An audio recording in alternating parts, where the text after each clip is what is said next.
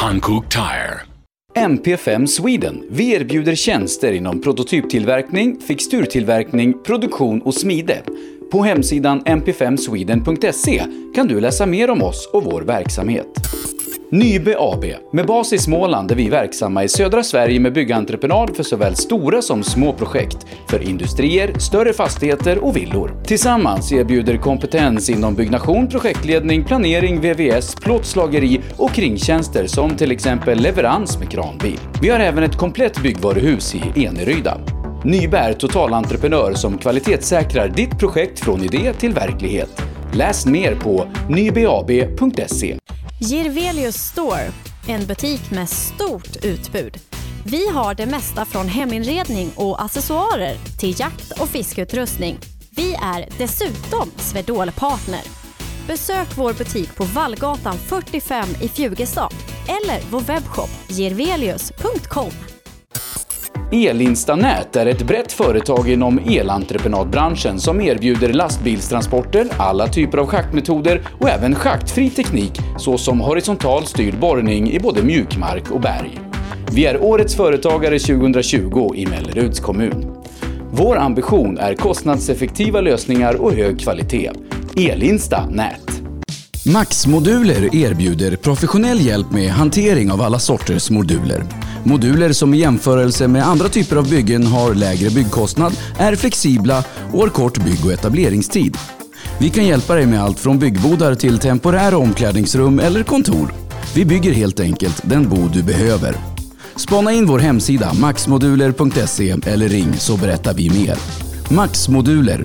Det behöver inte vara svårare. AM Elteknik erbjuder tjänster inom el och kommunikation för företag och privatpersoner. Ja, mina damer och herrar, det är måndag, det är den 7 juni och det är dags för ett nytt avsnitt av livepodden Rallystudion by Hancock här på Rally Lives Facebook-sida med mig Sebastian Borgart. Det är det femtonde och sista programmet för våren innan vi går på lite sommaruppehåll och är tillbaka den första måndagen i september igen, då med 15 nya liveprogram. Men vi har ett fullmatat avslutande avsnitt för den här våren där vi idag ska prata med Robert Jakobsson ifrån Kolsva. Ehm, bland annat då kartläsare som vunnit historiska EM med Åke Bryggan Andersson, har åkt med förare som Jan Sällholm, Björn Waldegård, Stig Blomqvist och dessutom kört en hel del rally själv. Vi ska få sätta tänderna i hans karriär här om en liten stund. Men innan det så ska vi för sista gången för den här våren faktiskt få prata med våran vän Joakim Palin från våran huvudsponsor Hancock som kommer med lite bra och nyttiga tips nu inför sommarsemestern. Hankook Tire. Då ska vi säga hjärtligt välkommen återigen till våran vän ifrån Hancock, Joakim Palin. Välkommen till programmet. Hej Sebastian, tack. Eh, jag kan tänka mig att du Joakim planerar semestrar precis som många andra nu när sommaren är här och eh, ja, för många eh, så blir det ju även en svemester och bilsemester här i år och vi har ju pratat lite om vad man ska tänka på just eh, för att bilsemestern ska bli så säker som möjligt. Eh, men jag tänker att det kan vara värt att återupprepa lite av det och kanske framförallt ha fokus på punktering för det är ju det man absolut vill undvika under bilsemestern och ja, hur, hur undviker jag att få punktering när jag ska åka upp och fjällvandra i sommar? Ja, det är en jättesvår fråga att svara på för att eh, undvika punktering, det vill ju alla. Men det man kan göra är framför allt att innan man ger sig iväg, titta igenom sina däck. Titta efter sprickor, eh, skärskador. Och det kan även faktiskt sitta spikar och skruvar i däcken som inte har, har ännu punkterat däcket utan det kan ju faktiskt sitta där ett tag och gnaga sig igenom. Så att man tittar igenom däcken, inga skador, eh, inga saker som sitter där som inte ska sitta. Det är väl en sak man kan göra. Sen idag så är det ju lite speciellt med bilar, för många bilar har inte reservdäck, men har man ett reservhjul så ska man ju självklart se till att det är luft i det och att det ser också ser okej okay ut, att det inte är några skador. Eh, det kan man göra och sen eh, är det viktigt när man ger sig iväg då oftast om man packa bilen full, mer full än vanligt när man ska iväg. att man, att man höjer lufttrycket i bilen. Det kan man ju oftast läsa då i tanklocket eller i, i dörrstolpen så står det då ett, ett normaltryck och ett fullasttryck och då ska man använda fullasttrycket. Det underlättar ju också eh, för, för punktering, att man har rätt tryck. Eh, Den tredje saken kan ju vara att man har med sig en sån här liten eh, eh punkteringsspray. Det farliga är om man, om man får punktering och måste stanna på vägen. Att man har med sig en sån här liten sprayflaska som man kan spraya i och som man kan åka vid sidan av vägen och åka bort så man inte står i vägen för det är väldigt farligt att bli stående vid vägen. Så det är väl de tipsen jag har. Sen finns det ju andra lösningar. Eh, vi har däck som är punkteringsfria eh, med olika tekniker men då måste bilen också vara anpassad för det. Så att det går inte bara att byta till sådana produkter. Perfekt Joakim. Vi, vi hoppas att, eh, att det blir en trygg semester för, för dig och alla andra och att vi inte behöver så att säga nyttja de här sprayflaskorna eller reservhjulen. Så får jag önska dig en jätteglad sommar och stort tack för att du har varit med oss här under våren. Tack detsamma.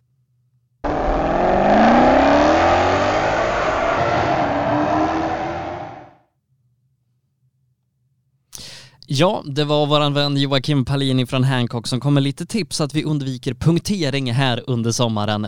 Nu ska vi ta och ringa upp dagens gäst, nämligen Robert Jakobsson och prata igenom hans rallykarriär.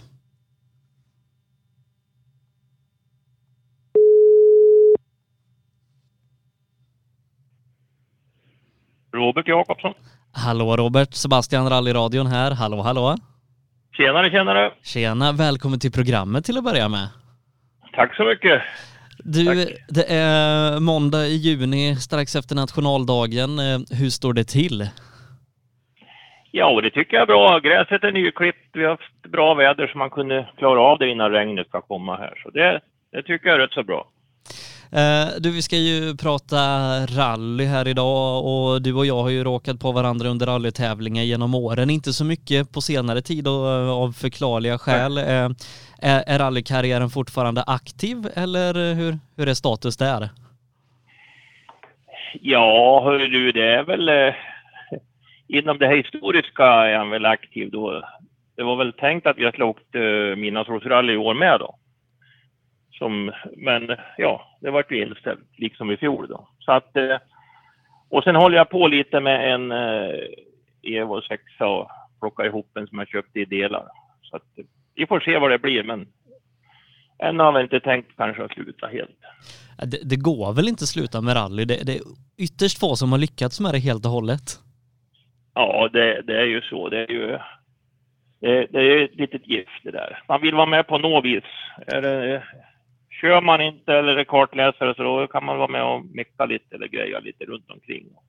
Så visst, visst det är ju ett fantastiskt intresse man har för det och det är ju som fin gemenskap. I, mycket bra kamrater har man ju fått genom tiden. Ja, nej, verkligen, det, det kan jag bara hålla med om. Eh, nu, nu sitter vi här 2021 och eh, ska börja spola tillbaka bandet. Eh, hur, hur länge har du hållit på med rally och den här sporten? Jag tror det var 75 eller 76 som jag började åka med en eh, grannpojk, barndomskamrat kan man säga. Och på den tiden hade man ju bilen till jobbet och sen åkte man rally på helgen och sen... Så då åkte vi en folkvagn och det var så det började. Och Kolsva MS har ju varit alltid en, en framåtklubb så att vi blev med där på ett möte och gick ner och vart invalda eller medlemmar och sen Sen rullade det där igång. Så sen, ja, jag hade väl uppehåll några år då, men eh, jag har väl hållit på väldigt mycket sedan dess. Fanns det nå- någon motorsport i familjen eller var det via så att säga kompisarna som du trillade in på det? Nej, det var väl, ja brorsan har alltid varit intresserad av rally och, och det är som sagt, Kolsva är ju ett rallynäste med Roger Eriksson och Sällholm här och, och Bus-Ove och Lillebror och, så att vi, det har ju varit motorer i, på samhället jämt så att säga. Så att det, det är väl så det blev då. Och sen har jag, det är ingen, jag har aldrig hållit på med fotboll och sånt där, utan det, det var motorsport. Ja, och eh, kommer du ihåg första tävlingen du åkte? Ja då, det gör jag. Vi, eh, det var nere, det hette ju DU-serien, alltså Sörmland och eh, Västmanland. Som man hade och vi åkte i Katrineholm och, eller om det var Flen. I alla fall så, så vickade vi på, på en sträcka där. Och jag trodde bilen tog eld och vart liggande på sidan. För det blixtrade som tusan där. Men det var ju, stod ju en fotograf och tog kort. Så att de hade en hel bildserie hur vi kom och åkte och vickade och kröp ut genom sidorutan. Så att det var första minnet faktiskt. Första saken som hände i rallykarriären. Men, men, trots det då så, så fick du blodad tand och äh, så att säga fortsatte efter det? Ja. ja, ja, ja, det var bara vicka tillbaka och köra igen. Så det gick ju fint. Äh, kartläsare är väl det så att säga du har varit mest under, under de här åren som, som du ägnat åt rallysporten? Ja, ja så är det. Så är det. Var, var det någon speciell anledning till att det blev kartläsare? Nej, det, det är ju naturligtvis bra mycket billigare. Det såg man ju sen när man började åka lite själv. Det är ju bättre att, att, att vara kartläsare. Det, det, då kan det bli... Då, då, får man någon krona över. Åker man själv och stoppar in alla pengar i bilen, då, då är det kämpigt naturligtvis. Ja, så, är det givetvis. Ja. Eh, de första åren där, vad, vad var det för typ av tävlingar och förare och sånt du åkte med om vi säger slutet 70-talet där? Eh, 77 så eh, åkte jag SM med Jan Sällholm och lite in på 78 med. Har för mig att det var någon tävling. Eh, och då åkte vi kadett GT då.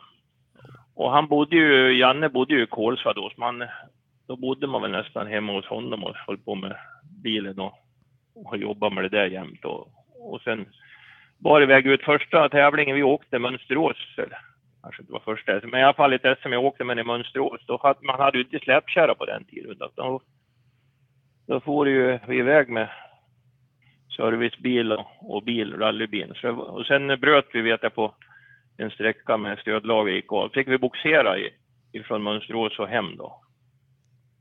Uh, och det, det var ju spännande naturligtvis. Så det, det har ju ändrat sig med tiden. Ja, det kan man verkligen säga. Ehm, eh, de flesta känner ju till namnet Sällholm, inte minst genom eh, firman då, men också Janne som hade en fantastisk karriär. Eh, hur, hur lärde ni känna varandra? Ja, det var ju att han, han naturligtvis bodde i Kolsva och man, man hamnade väl där, vad säger jag, ihop med rally då, att man, man hade det intresse och helt plötsligt var man med i hans garage och, och skruva och greja och sen frågade om jag ville åka, åka SM-serieman och det och jag låg i lumpen då och det var ju fantastiskt bra för jag fick faktiskt permission eh, på, för att åka rally-SM. När man åkte SM då fick man permission. Så eh, det var bara att tala om att nu ska vi dit och åka. Och jag hade en sån tur så Fanjunkaren var intresserad av motorsport med, så han skrev Eh, han skrev under direkt. Eller kapten kanske var Ja, den som skrev under, han, han var så ja det är klart du ska köra. Sen på måndag fick man redogöra för hur det hade gått. Så det var bra. Eh, gick det bra liksom den, den tiden med, med Janne i SM då, förutom Mönsterås där? Ja, jag, jag tror att vi slutade sexa i, i standard A, hette det då. Jag tror det var så. Nu är det ju... eller fyra eller någonting. Ja, det är många år sedan. Nu, nu är det ju helt annorlunda med, med hur det funkar ja. kring en SM-tävling ja. med, med, med rek och liksom allting kring, kring, kring en SM-tävling. Men måste ändå tänka att det var ett litet steg att ta från att åka liksom folka i Flen till att åka en SM-serie. Ja. ja, visst var det så. Och ja, 19 år var man, så man var ju inte, man har inte varit med om så förfärligt mycket. Så det är klart att det var ju stort jag vet man var ju otroligt nervös första gången, första SM att åka med då. Och ja, så det var ju, det var, det var en höjdare naturligtvis att komma in på det. Så, och redan då, man lärde ju känna mycket folk i, i, i motorsporten som man har, kan ha kontakt med eller träffar än idag som, som eh, ja, man pratar med. Så det, det är skoj det, det är ju mycket som har ändrats genom åren, men, men eh, där i slutet 70-talet, de förarna så att säga svenska som var duktiga internationellt, körde de SM och så också då? Eller var det bara typ VM för en sån som Valdegård? Nej då, det var, det var, det var mycket bra SM-åkare också då. Så jag Stig åkte ju naturligtvis. Så, eh, så det, det var ju Ingvar Karlsson och Roger Eriksson.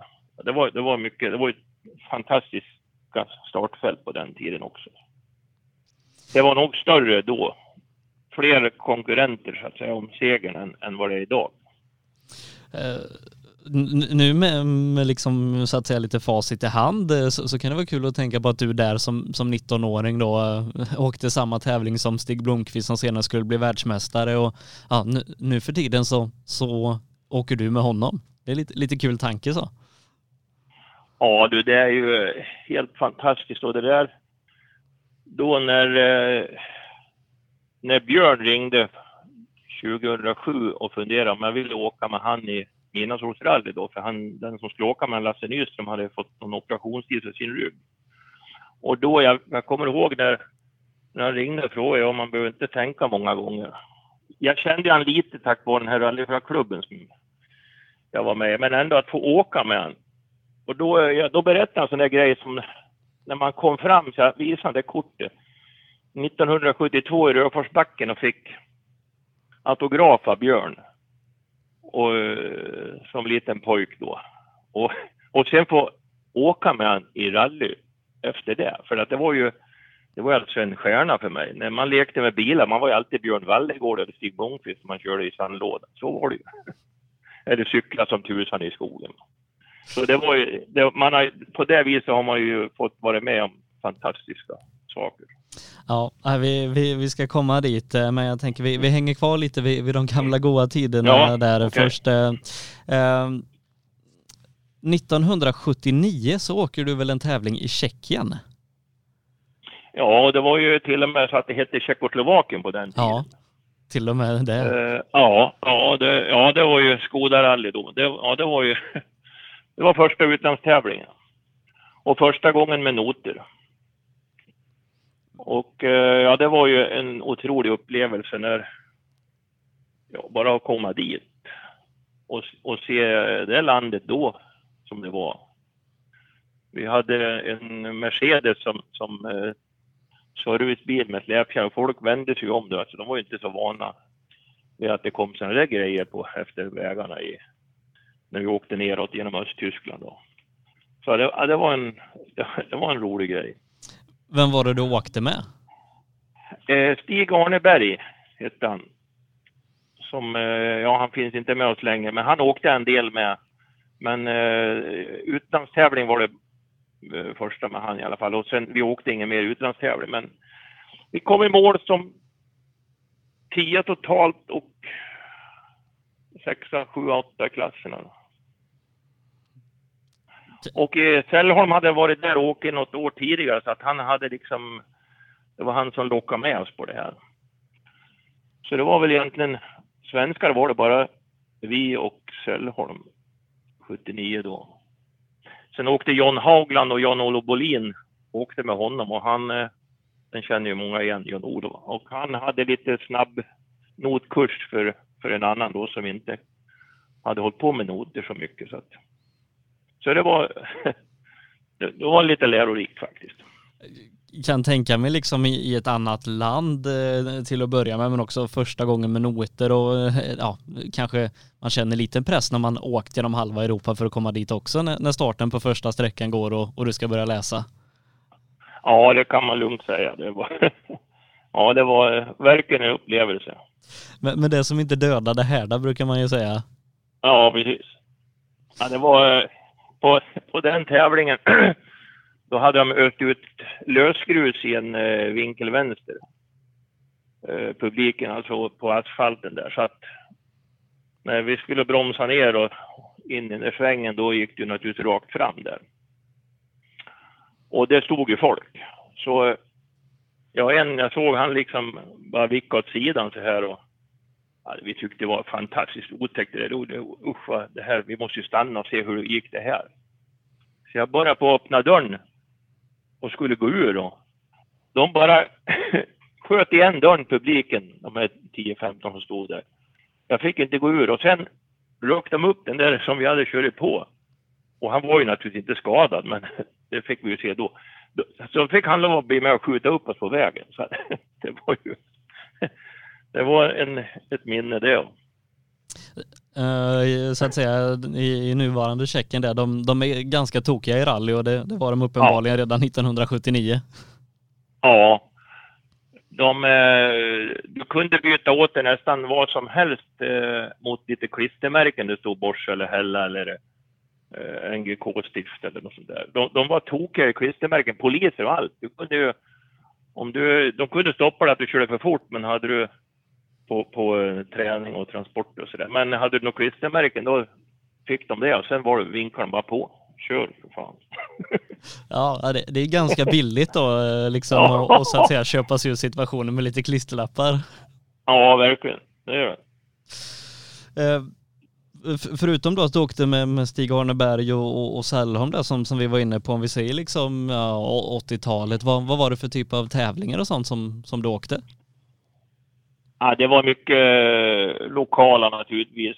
Jag åkte med Christer Asenius som då är eh, son till lillebror.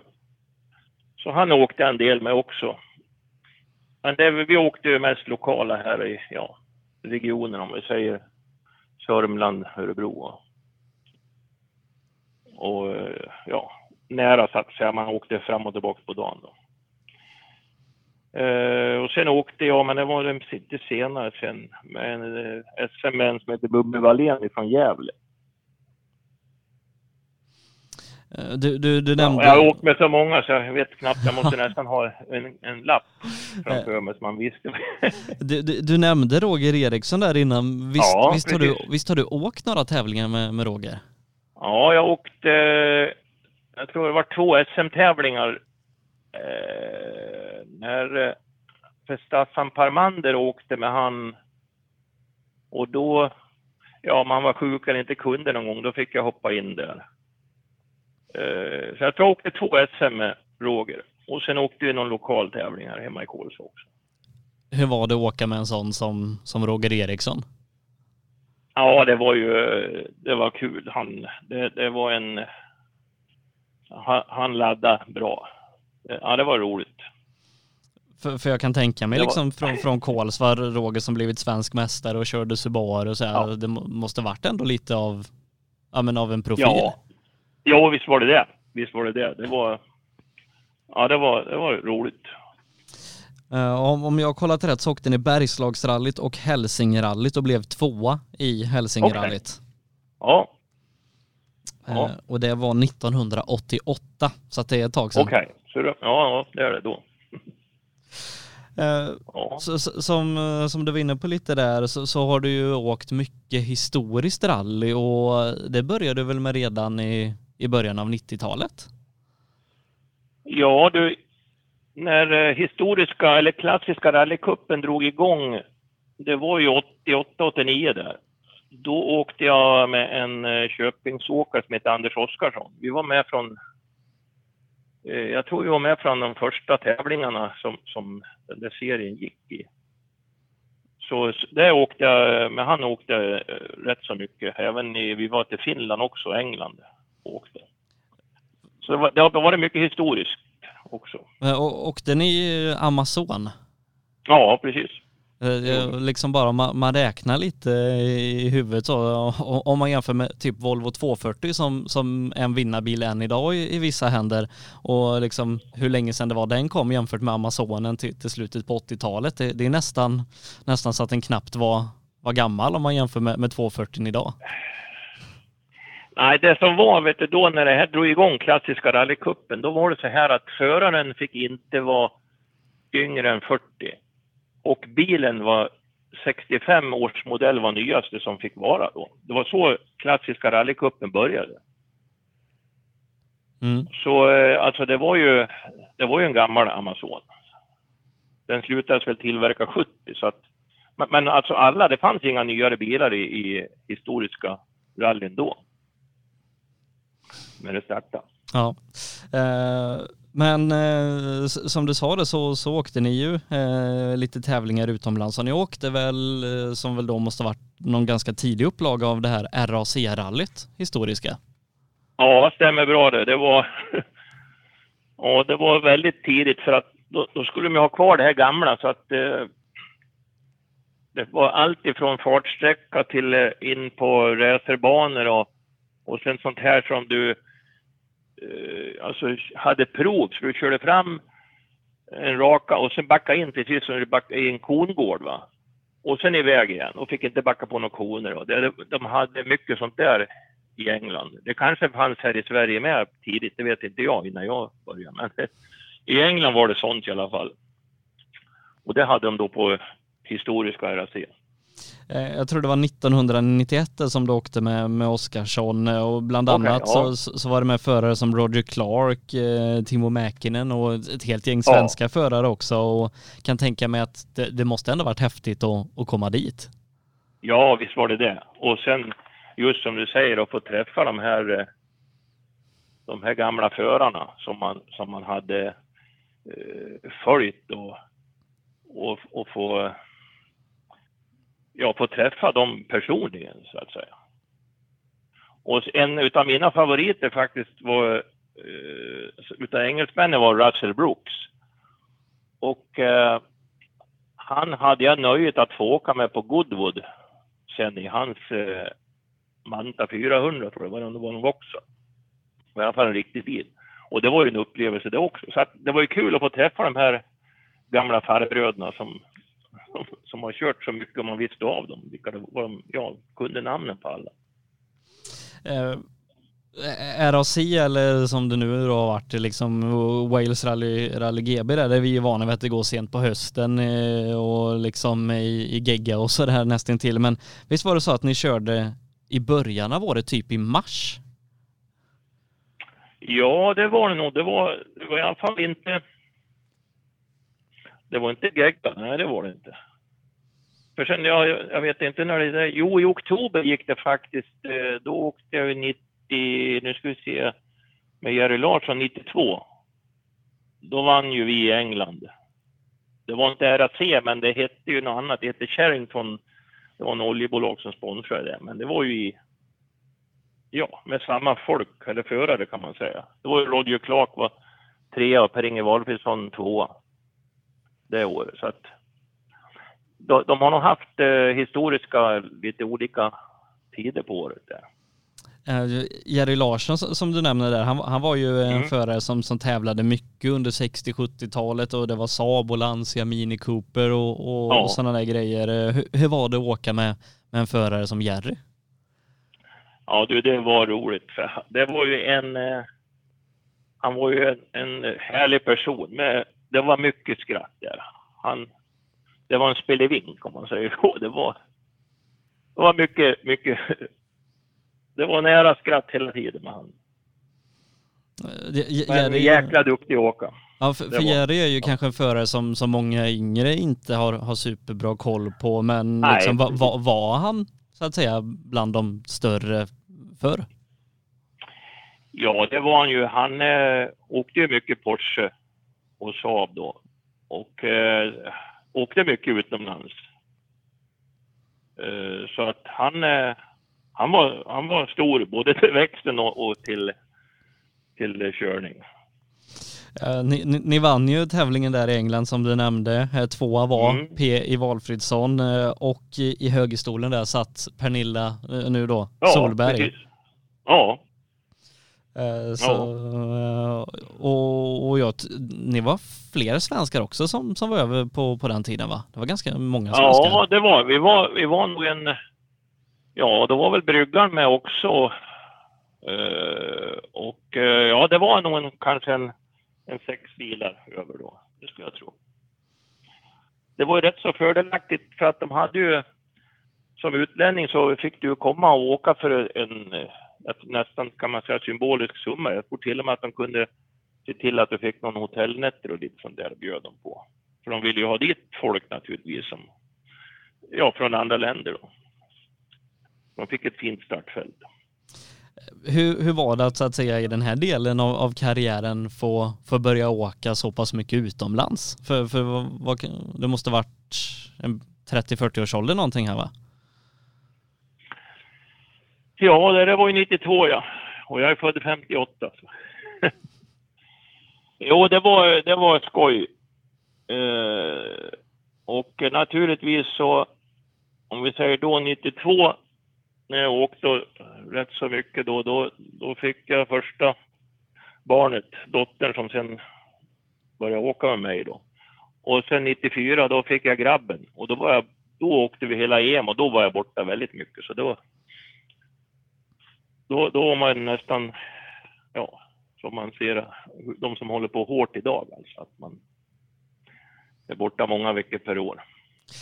Eh, för EM där då 94 åker du ju med, med Bryggan Andersson i, i en Porsche och ja, hur, hur kom ni i kontakt med varandra? Det var faktiskt eh, Bryggan träffade jag första gången när jag åkte med Anders där i England. Då var han med eh, och tittade för han hade inte skaffat någon bil än. Men han var väl sugen på att börja med något historiskt. Så att då träffade han första gången och sen, eh, ja, sen höll vi kontakt och sen fick jag förfrågan där att eh, ja, åka med han då hela 94. För då skulle han göra en storsatsning på att åka EM-serien. Hur var det liksom och, att, att få den frågan? Ja, det var ju... Det var ju helt otroligt. Det, när man tittar på, ja visst man vill ju se vad det är för tävling, hur mycket ska vi vara borta, var ska vi åka? Ja, det börjar i San Remo i april. Och ja, det, man trodde väl knappt det var sant att någon ville, kunde komma med sådana erbjudanden. Men eh, det gick ju bra. Det, jag hoppade på det i alla fall och det ångrar man inte. Hur var det att åka med, med en förare som åker? Ja, den frågan har jag fått många gånger. Jag, jag brukar förklara så här, han var ju så lugn. Jag kommer ihåg första sträckan då i San Remo. Jag hade ju aldrig sett åkt en tävling med han före, före den här EM-tävlingen då. Vi hade reka och skrivit noter och allting. Sen stod ju på startlinjen och, och jag räknade ner där. Och han var ju alltid lugn och så. Men det var, alltså det var precis som man skulle slå till honom med ett basebollträ i huvudet. Han liksom, han, han exploderade totalt. Och laddade något fruktansvärt. Man kunde aldrig förstå att han kunde... Man tänkte han är lugn och det kommer här att smyga iväg lite eller vad man ska säga. Jag, jag, jag, jag upplevde inte att det skulle bli en sån explosion. ja, det var, det var kanonroligt. Som... Men så gick det på två hjul i första svängen, så jag på rulla ner i ravinen. Men det, så det fick ju, ja det finns ett fantastiskt kort på det. När man ser hela bottenplattan på bil. Men eh, det gick ju bra. Och så vi, jag tror vi aldrig, gjorde aldrig någon värre smällar. San Remo kan jag tänka mig att bara få, få komma till den tävlingen måste vara helt fantastiskt. Ja, visst var det det. Det, det är helt, helt klart uppe i bergen där. Det är ju det är verkligen en upplevelse. Och en tredje plats blev det där i, i den tävlingen och sen tror jag nästa tävling var i Tyskland om jag inte missminner mig. Ja, det kan nog stämma. Ja. Och, och då blev det ännu ja. bättre för, för då lyckades ni vinna. Ja. Ja, så var det. när, det var... när ni så att säga gick in i den här satsningen, hade ni pratat om målsättningar och sådana där eller var det mer en kul grej att göra? Åke han hade nog det som eh, mål, för han var ju en tävlingsmänniska, har ju varit, var ju hela livet där med rallycross-satsningar och allt. Så att eh, han hade nog helt klart för sig att det här skulle han fixa och det gjorde han ju också. Så att, eh, eh, men visst, det var ju konkurrenter som, eh, som hade åkt året före och hade ledig en tysk. Han hade vunnit året före och det var fel på våran bil och det, vi hade fusk med allt möjligt. Och, så han var riktigt arg på oss i eh, San Remo där. Som vi sen vart jättekompis med för han förstod ju sen och kollade över allting att Åke var ju duktig att köra. Det var inte något fel med bilen utan han var... han, han var så duktig så att han fick förstå att han blev ifrånåkt. Han tolererade det till slut.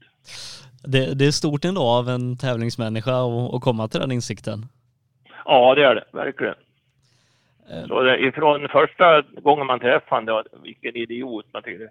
Och sen vart vi riktiga kompisar så att vi, eh, ja, jag tror vi skickade julkort till varandra till, till att börja med den, några år. Så att han, eh, han, han vart bra vän. Ni, ni åker i Norge också, lite kortare resa då eh, och då var det ganska många svenskar över med, med Porsche när man kollar, bland annat då P. Valfridsson och Jerry som vi pratade om tidigare. Ja, just det. Ja. Och, och åkte ni separat Ja. eller var ni liksom lite i team? Eh, För ni hade ju Porsche allihopa. Eh, Nja, det var nog Jerry och eh, vi, för att vi hade ju Perrys motor i Strömsholm då som, som skötte om bilarna. Så, så Jerry och eh, bryggan, vi åkte nog tillsammans i, i team så att säga. I alla fall på så vis att vi hade lite samma serviceupplägg och sådär, samma servicebil. Ni, ni tog en, en seger i, i Tjeckien också, en andra plats i, i Rally Elba. Ehm, men, men sen är det väl så, RAC-rallyt som är sista tävlingen. Åker inte du med Hans Sellberg då istället för bryggan? Jo, precis. Eh, nu kommer inte jag ihåg varför det blev så, men eh, så var det i alla fall. I en, Eh, eh, en. Lotus Cortina åkte ni då. Ja, precis. Ja. Eh, men, men det blev ju en, en EM-seger där med, med Åke och jag vet inte liksom hur det funkar så, men fick du en, en EM-medalj eller eh, hur? Nej, du, det, på den tiden fick bara föraren och det vet jag Åke var eh, tyckte det var för jäkligt att jag menar på, jag, det här har inte jag kunnat gjort själv, jag måste ju ha en kartläsare och, och eh, han, han, eh, han höll på med det där att fan att det inte vart någonting åt, åt dig och sen Lasse Torell som åkte två tävlingar med han i EM tror jag då.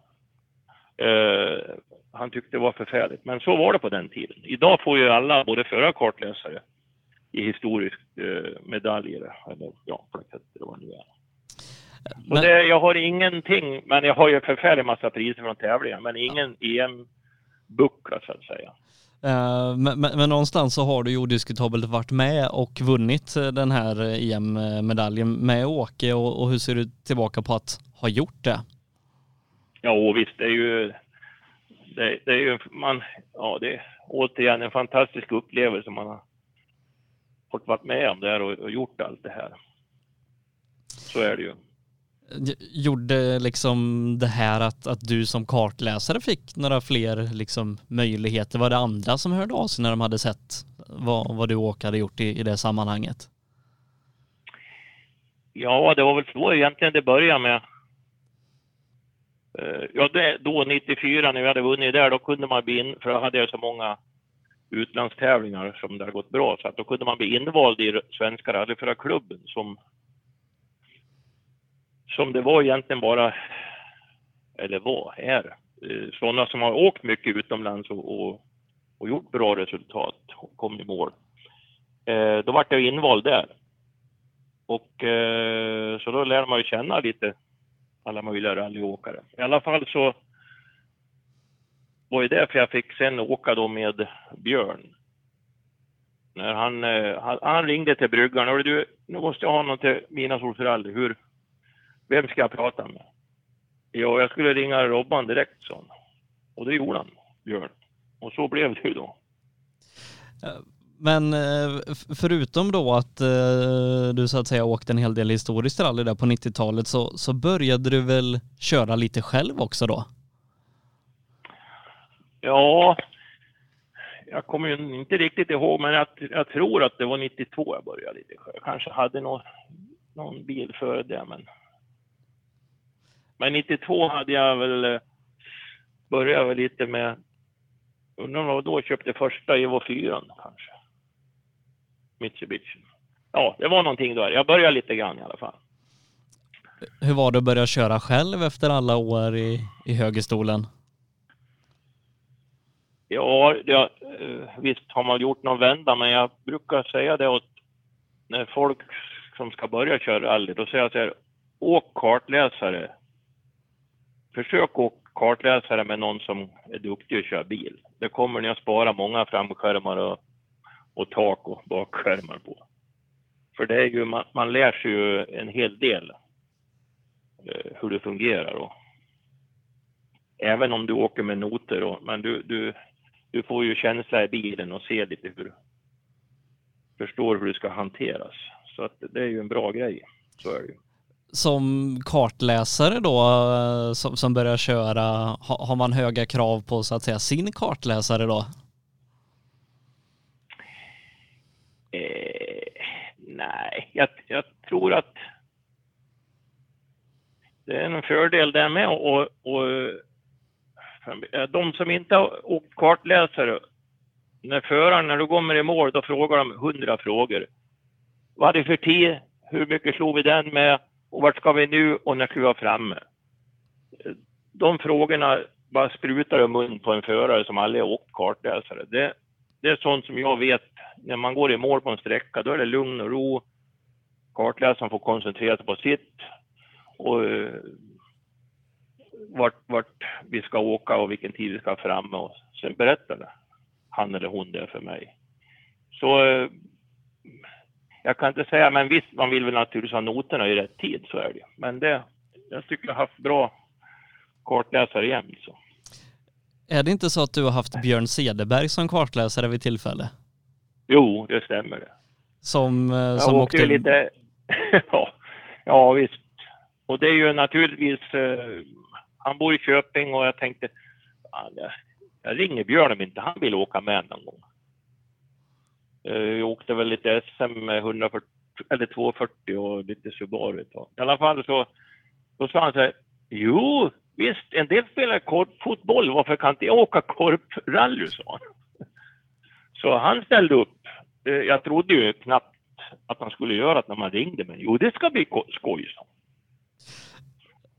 hur, hur, var det att få in en, en världsmästare som kartläsare på, på tal om att sätta höga krav på den man har jämte sig? Ja, det, jag kommer ihåg på, eh, vi åkte Sydrall eller Sydsvenska. Nej, Sydsvenska hette vi då för att vi åkte asfalt ena dagen och grus andra.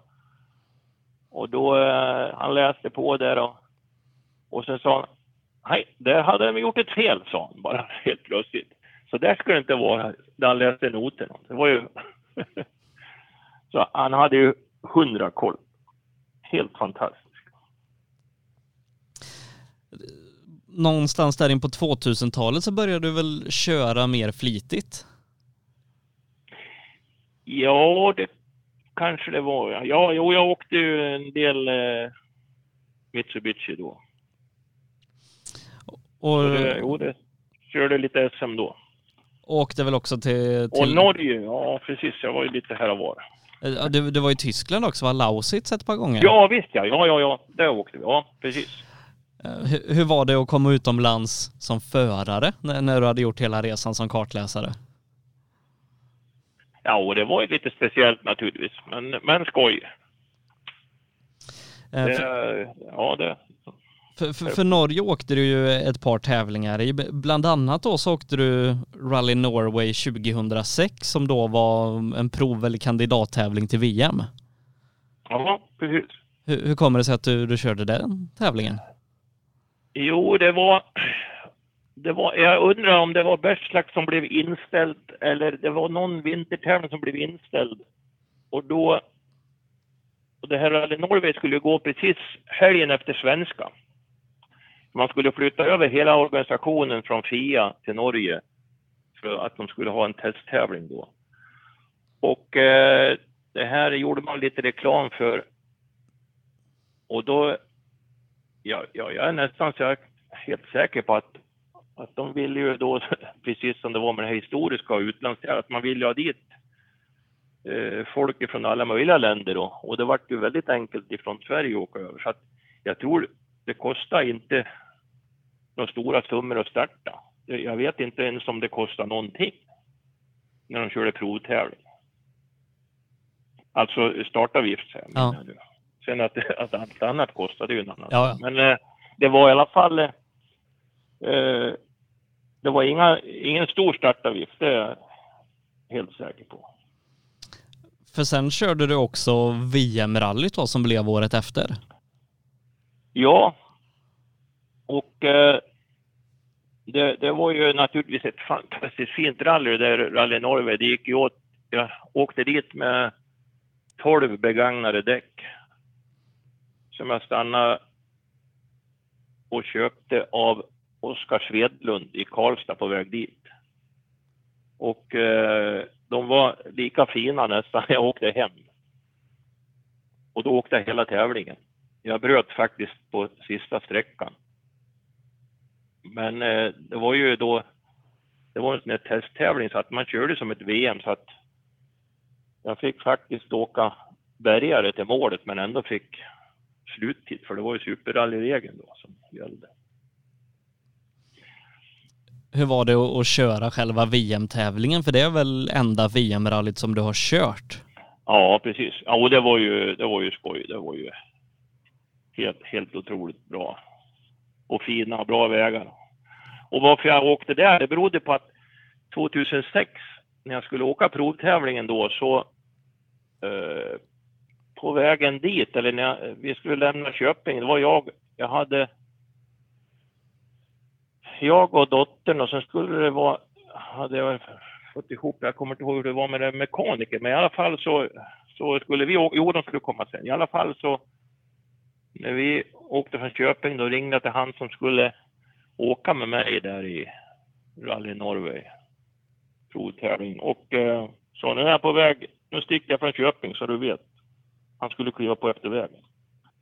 Och jag vet inte vad som hade hänt men han sa ja det skiter väl jag i Svampa. Och sen la han på lur. Och ja, det hade väl hänt någonting för honom. Så ja, vi får iväg till Hamar utan att ha en kartläsare. Så att jag satt i telefon ifrån Köping till jag kom fram. Och då hade det löst sig. Så jag fick en norsk kartläsare. Jag var i kontakt med absolut hur mycket folk som helst. Och folk hjälpte mig ringa runt. Och så jag ringde Pernilla och hon skrattade. Ja, jag har ju en här. Jag har ju Phil Mills här. Du kanske kan, kanske kan åka med dig. men så blev det ju inte. Men i alla fall. Så, jag, jag, kommer inte ihåg vem det var som ordnade fram. Men jag fick tag i en, en som heter Gustav Rågstad från, som bodde i närheten där. Så han, han ordnade med licens. Han hade ingen internationell licens. Han hade inte åkt på länge. Men han lyckades få tag i någon doktor och göra prover och allt. Så att allt löste sig på inom 24 timmar så hade jag en norsk kartläsare. Jaha. Och så vart det att han åkte, då tyckte han, ja fan vi kör nästa år och åker VM och det här är, han skulle ordna med bostad då, vi skulle bo med hans föräldrar och, så det kommer inte att kosta något med det och vi, han skulle hjälpa till med en massa, han tyckte det här var så fantastiskt. Och så gjorde vi det. Jag kan tänka mig att det är kul att ha gjort det. Verkligen, det, ja det var Ja, det var jätteskoj. Just när man fick startlistan, när man liksom, ja det här anmälningslistan, vi gick in på datorn och tittade, ja det var Robert Jakobsson och Danny Sorry då. Fan, är det sant? Ska jag åka samma tävling som de här stjärnorna? Så det, ja. var, det var en rolig grej. Du, du var ju inne på det här samtalet som du fick ifrån Valdegård där och ni åker Midnattssolsrallyt 2007 och hur var det liksom första gången kliva in i bilen och åka iväg på en sträcka med Björn Valdegård? Ja, det var ju... Man var ju nästan... Man hade ju handsvett faktiskt. Det var ju, vi var ju till, hem till han där i Tixta och körde lite test först. Så att man visste ju lite vad som komma skall då. Men äh, det var en... Det, det var en härlig känsla. Och visst är det så att ni... Och åka med en, en, en, en, min, en av mina, eh, ja, som man har gillat i alla år ja. inom rallysporten. Men visst vinner ni hela Midnattssolsrallyt det året? Ja, det gjorde vi. Och det måste ju liksom, bara få samtalet från Björn kan jag tänka mig ja. liksom är stort, men och sen vinna rallyt som, ja. som är ett ja. av nu då världens bästa historiska rallyn med Björn Valdegård. Ja, det var, ja, det var jätteskoj. Det var helt fantastiskt. Men det blev ju en fortsättning tillsammans med Björn. Det blev ju inte bara en tävling en gång. Nej, vi... Eh, ja, han tyckte väl att vi, det gick bra, vi gick bra ihop. Han var ju, han var lätt att umgås med och det tyckte väl han med mig med så att eh, eh det vart ju fler midnattssolsrallyn men även två i Spanien då som vi åkte. Hur är det liksom att komma utomlands med en förare som Björn? Som han, han, han var ju legend i Sverige, men jag kan tänka mig i, i rallytokiga länder som, som Spanien. Att komma ja. dit som kartläsare med Björn Valdegård. Ja, det, det, det, är ju, det var ju så mycket folk runt honom och de kom och tackade i hand. Folk att, åh vad, vad trevligt att du kommer hit och kör och visar upp det för oss här i, i Spanien. Och du, ja, de, det var... Han, han, eh, de här stora gubbarna, de är ju kungar. Det är ju så. Det är, det är fantastiskt att få se. Men, men här då någonstans 07-08, då kombinerar du alltså med att åka ett par tävlingar med, med Björn samtidigt som du kör full SM-säsong också i, i SM på hemmaplan? Ja, det kanske var så det kommer jag knappt men ja, det var ju mycket rally då, så var det förstås. För jag måste ja. tänka att det, det måste varit oerhört mycket helger som gick åt åt, åt biltävling. Ja, jo det var det ju. Så var det ju. Eh, men, men då inte nog med att, att du åker med, med en världsmästare där då, Björn Wallegård, utan eh, är det 2010 som, som du också hoppar in med Stig Blomqvist? Ja, Eh, då var ju så här då att då hade vi, eh, han åkte ju också i Spanien. Då, det var väl på hösten där. Sen, eh, sen ringer han och säger du, så vi, ja man lärde känna han närmare så att säga. Vi åkte ihop till flygplatsen och i och med att han bor i Örebro så vart det så att vi, ja vi var mycket ihop då. Så att han sa, kan inte du åka med mig i uh, Belgien? Det var det först. Ja, jajamän, Buklester spara lite där. Ja. Ja, visst. Och det, det kan vi göra, så. Och så blev det så. Och sen, sen öste det på med allt möjligt. Han, han hade ju eh, och har väl, ja nu är det väl lite mindre med förlåt, men det var ju någonting hela tiden på gång då, som han hade som folk ringde och ville att han skulle komma och köra bilar och, och köra för deras team. Ja, för, för, du och Stig har ju åkt eh, liksom runt om i Europa och mycket tävlingar i, i, i Sverige och grejer i, i olika bilar och eh, ja. Och från 2011 så, så har du väl mer eller mindre, du har ju åkt med några andra men nästan bara med Stig va? Ja, det stämmer bra. Eh, och det, det, måste vara lite häftigt ändå att kunna titulera sig som Stig Blomqvist kartläsare. Jo, det är ju så. Alltså man... Eh, han är ju... Han är ju stor. Det är ju bara så. Det, han är stor i Sverige och väldigt omtyckt och, och naturligtvis... Man, det är ju ännu mer utomlands. Det är ju helt otroligt faktiskt.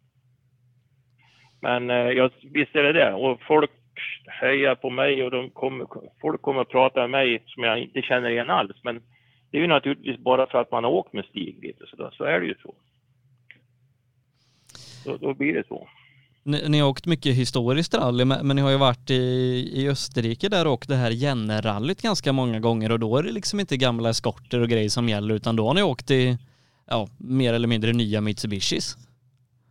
Ja, det har ju varit eh, Evo 10 har vi åkt, åkte vi nog två gånger och nia och ja, så det har ju varit nya och det är ju, ja, det är på rikt, riktig tävling så att säga. Det är inget, det är väl historiskt också riktigt, men jag menar det är ju, den hade väl lite EM-status något år också till och med. Så att det blev ju han då, organisationen ordnade ju fram allt och eh, ville att vi kommer dit och åka. Han hade ju åkt flera år innan jag hoppade med där.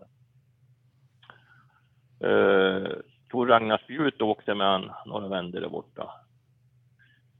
Så att han, det var han, varje år så ville de han skulle komma dit och det är precis efter nyår där. Så uh, sen, sen vart det väl, ja, vi åker fyra gånger där. Hur, hur var det att åka, åka så att säga en riktig tävling och till och med EM-tävling ja, med Stig? Ja, ja det, det var häftigt. Fasiken. Det är alltså, man åker på Montedub där. Och det var ju allt ifrån eh, torr asfalt till eh, blötsnö och ja, det är precis som att åka Monte Carlo-rally och åka det här Jenny-rally i Österrike. Det, det, är lika skiftande. Att, att, Men, eh, ja, det, är, ja, det, är, det är jätteskoj. att bara få sitta i en rallybil med en sån som Stig Blomqvist är stort, men, men att få sitta i en Audi S1 Quattro med Stig Blomqvist, det måste vara ännu häftigare. För, för det har väl du gjort i det här Legends-rallyt? Ja, nu ska vi se. Nej, inte S1 va? Inte Sportquattro, utan det var en, eh, det var en vanlig. Hette de A, A2 eller A1? Jag kan inte beteckningen på det. Men eh, jo, det har jag gjort eh, en gång. Ja. Åkte där. Ja. ja. Jo, det var, det var häftigt. För, och det är ju det är någonting som jag kan rekommendera folk att åka och titta på. För det är en fantastisk arrangemang Det. Ja, vi, vi håller tummar och tår för att det, det ska bli så pass öppet att, att det Ja, går. För, ja. för jag tror många har det på, på sin lista att, att åka dit och, och se förare som Stig Ja. köra i sina gamla ikoniska bilar. Eh, Men visst har du också varit i, i Marocko med Jan Hagman en gång? Ja, det var 2013. Så eh, skulle han göra comeback då och åka historiskt och köpte en, eh, beställde en, en Porsche från Tattil. Helt nybyggd och fräsch och fin. Och sen, eh, ja, ringde han och frågade om man, om man ville, om man kunde tänka mig att åka med han där då. Och det svarade jag till naturligtvis. Och det, det måste vara något helt annat att åka ner i Afrika. Ja, det var det verkligen. Det var ju just det här med i sanden där. eh, Det var ju inga vägskyltar och ja, det, det, man kunde alltså åka fel på fartsträckan, vilka, vilket vi gjorde och massor med folk. Så rätt vad det var då, nej det här det stämmer inte så vi åker fel. Ja, då åkte vi tillbaka. Ja, då mötte man någon som också åkte åt fel håll. va. Så att, det var lite speciellt. Uh under de här så att säga lite mer intensiva åren med, med framförallt Stig då så har du inte kört så mycket själv men säg 2017-18 så, så körde du väl en del tävlingar och, och jag minns nog att vi träffade på dig med radion ett par gånger när du körde. Typ 2018. Jaha, det kanske... Opel Ascona. Ja, ja, ja, då åkte jag historiskt. Då köpte jag en historisk, ja precis. Stämmer bra. Ha, hade du inte Hans Sylvan med någon tävling också? Jo, jo. S- Som också åkte med Stig och ju- Björn och Eklund och hela Ja, ja. gänget. Just det, det var ju uppe i... Uh, Skutskär va? Skutskär, precis. Ja, stämmer bra. måste vara kul liksom att ja. ha- ha- åka med en sån som, som Hans liksom eh, nu, Ja. nu när ni är lite äldre och ja, åka och ha kul. Ja, visst är det så. Och du vet vad mycket historier man får höra av de här gamla som har varit med så mycket också otroligt mycket i skogarna i, runt om i världen. Så eh, ja, det, man, man får höra något nytt hela tiden. Jag kan, kan tänka mig att liksom Hans som, som åkte med, med Stig ja, förr i tiden eh, kanske har en hel del historier om saker som hänt så att säga utanför tävlingsbilen men jag kan, jag kan också tänka mig att det är lite lugnare när du och Stig är ute nu på, på senare tid så att säga runt omkring tävlandet. Jo, visst är det så. Det är det ju. Det, På gott och ont kanske. ja, ja, ja. Eh, men, men, men du har ju åkt då med, med några av, av våra största, eh, liksom eh, som, som, som Jerry Larsson där, Stig Blomqvist, Valdegård, Bryggan, kanske även lite ja, då efter deras storhetstid. Men, men märks det liksom när du åker med dem på sträckorna att de har varit bland världens bästa förare? Ja, visst är det så. Det, det är ju de... Det är ju, de kan ju hantera en bil. Det är ju bara så. Det är helt fantastiskt. Man, så därför så tänkte man själv att man skulle bara åka. Eftersom man har åkt med de här stora stjärnorna, jag tänkte fan, vad, vad ska, jag- varför skulle jag börja för? Men, men det är ju så. Det är ju så roligt att åka själv och sladda och grejer så att man vill ju göra det. Men, men eh, man förstår ju hur, eh, hur duktiga de är. Naturligtvis har de ju åkt ett antal mil, så det, det är ju så. Men ja, de är fantastiska. Uh, du Robert, jag har tre frågor som jag ställer till alla som jag, jag pratar med och, och, den första är de, av dem är eh, vilken prestation i din karriär är du stoltast över?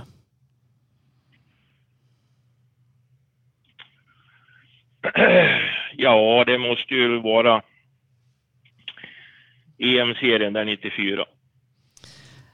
Vilken är den häftigaste plats eh, i, i världen som du fått besöka tack vare rallysporten? Är det Marocko kanske? Oj. Ja, det är ju lite annorlunda, det kan man nog säga. Det är, ja. Ja, sen om vi säger att... Nej, det är egentligen inte för att... Ja, men det var ju inte som eh, tävlande, varken kartläsare för men jag var med 2011 var jag med eh, mek åt Björn på Safarirally med Tattil-teamet. Det är ju nog en av höjdarna. Och ja. åka runt, vi, vi åkte runt i en lastbil och följde med rallyt och, och med grejer. Och det är ju helt otroligt att, att komma på safarirally, så är det ju. Ja, det kan jag faktiskt tänka mig. Ja. Eh, ja. Vilken är den bästa rallybilen som du har åkt i?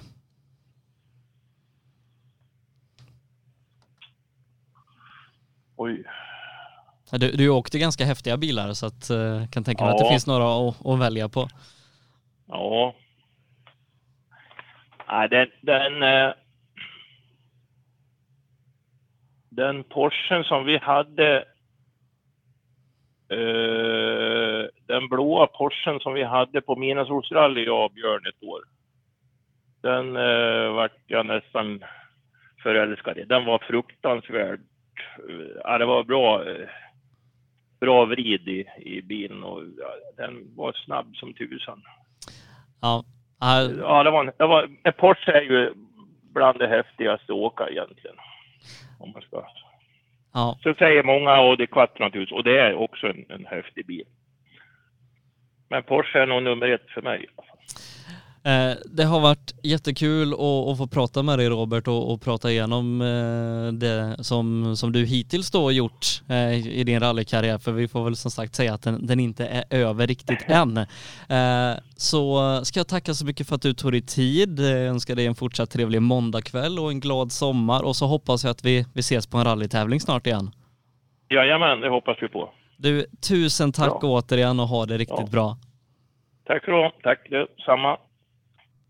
Ja, mina damer och herrar, där pratade vi med Robert Jakobsson, fick prata igenom hans karriär då som bland annat har inneburit ett EM-guld i historiska med Åke Bryggan Andersson och åkt mycket med förare som Björn Valdegård, Stig Blomqvist och ja, vi har fått höra allt där om hans fantastiska karriär. Eh, det här var faktiskt sista programmet för våren. 15 veckor i rad har vi kört här under våren eh, och pratat med fantastiska människor som gjort otroliga avtryck inom rallysport sporten. Ehm, tyvärr då så, så gör vi det här programmet lite som en konsekvens av coronapandemin som eh, än så länge då satt stopp för eh, merparten av allt tävlande och gjort att vi inte kunnat vara ute på rallytävlingar. Men vi har ändå kunnat samlas måndagar 19.00 kring våran fantastiska sport och ta del av många av de alla fantastiska historier som finns där ute.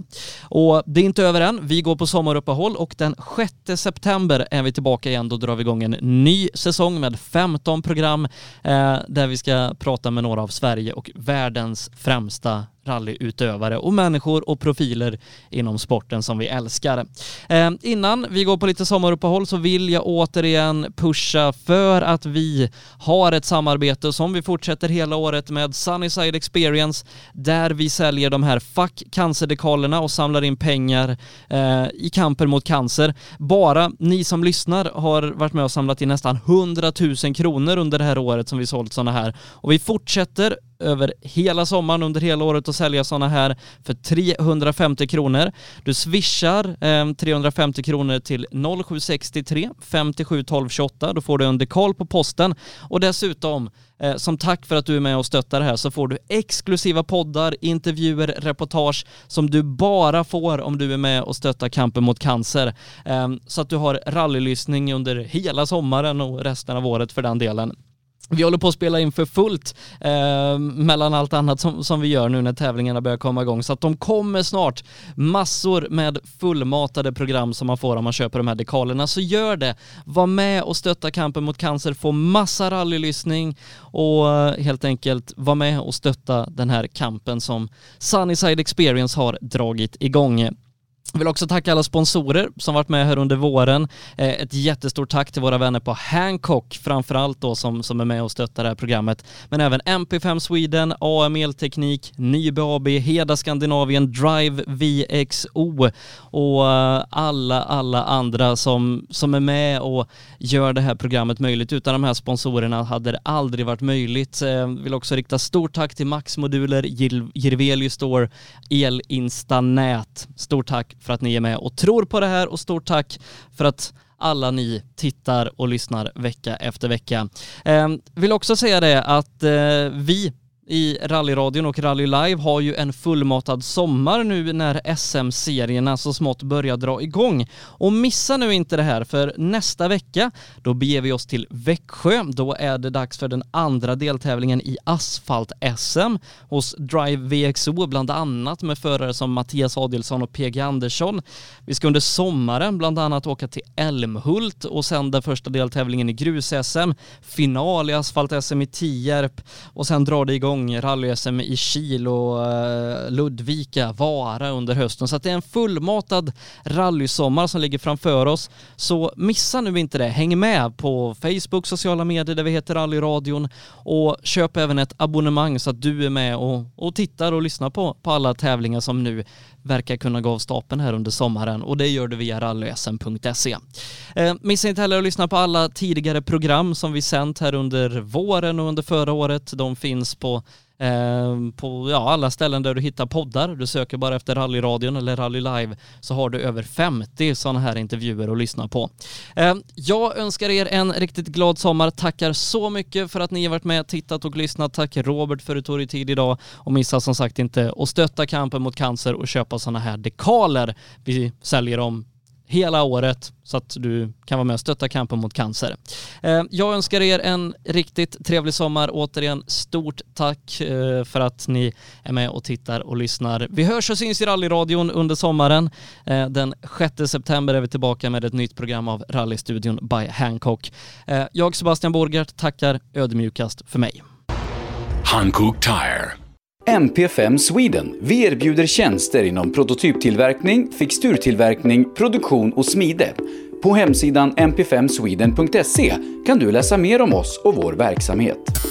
Nybe AB. Med bas i Småland är vi verksamma i södra Sverige med byggentreprenad för såväl stora som små projekt, för industrier, större fastigheter och villor. Tillsammans erbjuder kompetens inom byggnation, projektledning, planering, VVS, plåtslageri och kringtjänster som till exempel leverans med kranbil. Vi har även ett komplett byggvaruhus i Eneryda. Nybe är totalentreprenör som kvalitetssäkrar ditt projekt från idé till verklighet. Läs mer på nybeab.se. Girvelius Store, en butik med stort utbud. Vi har det mesta från heminredning och accessoarer till jakt och fiskeutrustning. Vi är dessutom Swedol-partner. Besök vår butik på Vallgatan 45 i Fjugestad eller vår webbshop girvelius.com. Elinstanät är ett brett företag inom elentreprenadbranschen som erbjuder lastbilstransporter, alla typer av schaktmetoder och även schaktfri teknik såsom horisontal styrd borrning i både mjukmark och berg. Vi är Årets Företagare 2020 i Melleruds kommun. Vår ambition är kostnadseffektiva lösningar och hög kvalitet. Elinsta Nät. Max-moduler erbjuder professionell hjälp med hantering av alla sorters moduler. Moduler som i jämförelse med andra typer av byggen har lägre byggkostnad, är flexibla och har kort bygg och etableringstid. Vi kan hjälpa dig med allt från byggbodar till temporära omklädningsrum eller kontor. Vi bygger helt enkelt den bod du behöver. Spana in vår hemsida maxmoduler.se eller ring så berättar vi mer. Maxmoduler. Det behöver inte vara svårare. AM Elteknik erbjuder tjänster inom el och kommunikation för företag och privatpersoner.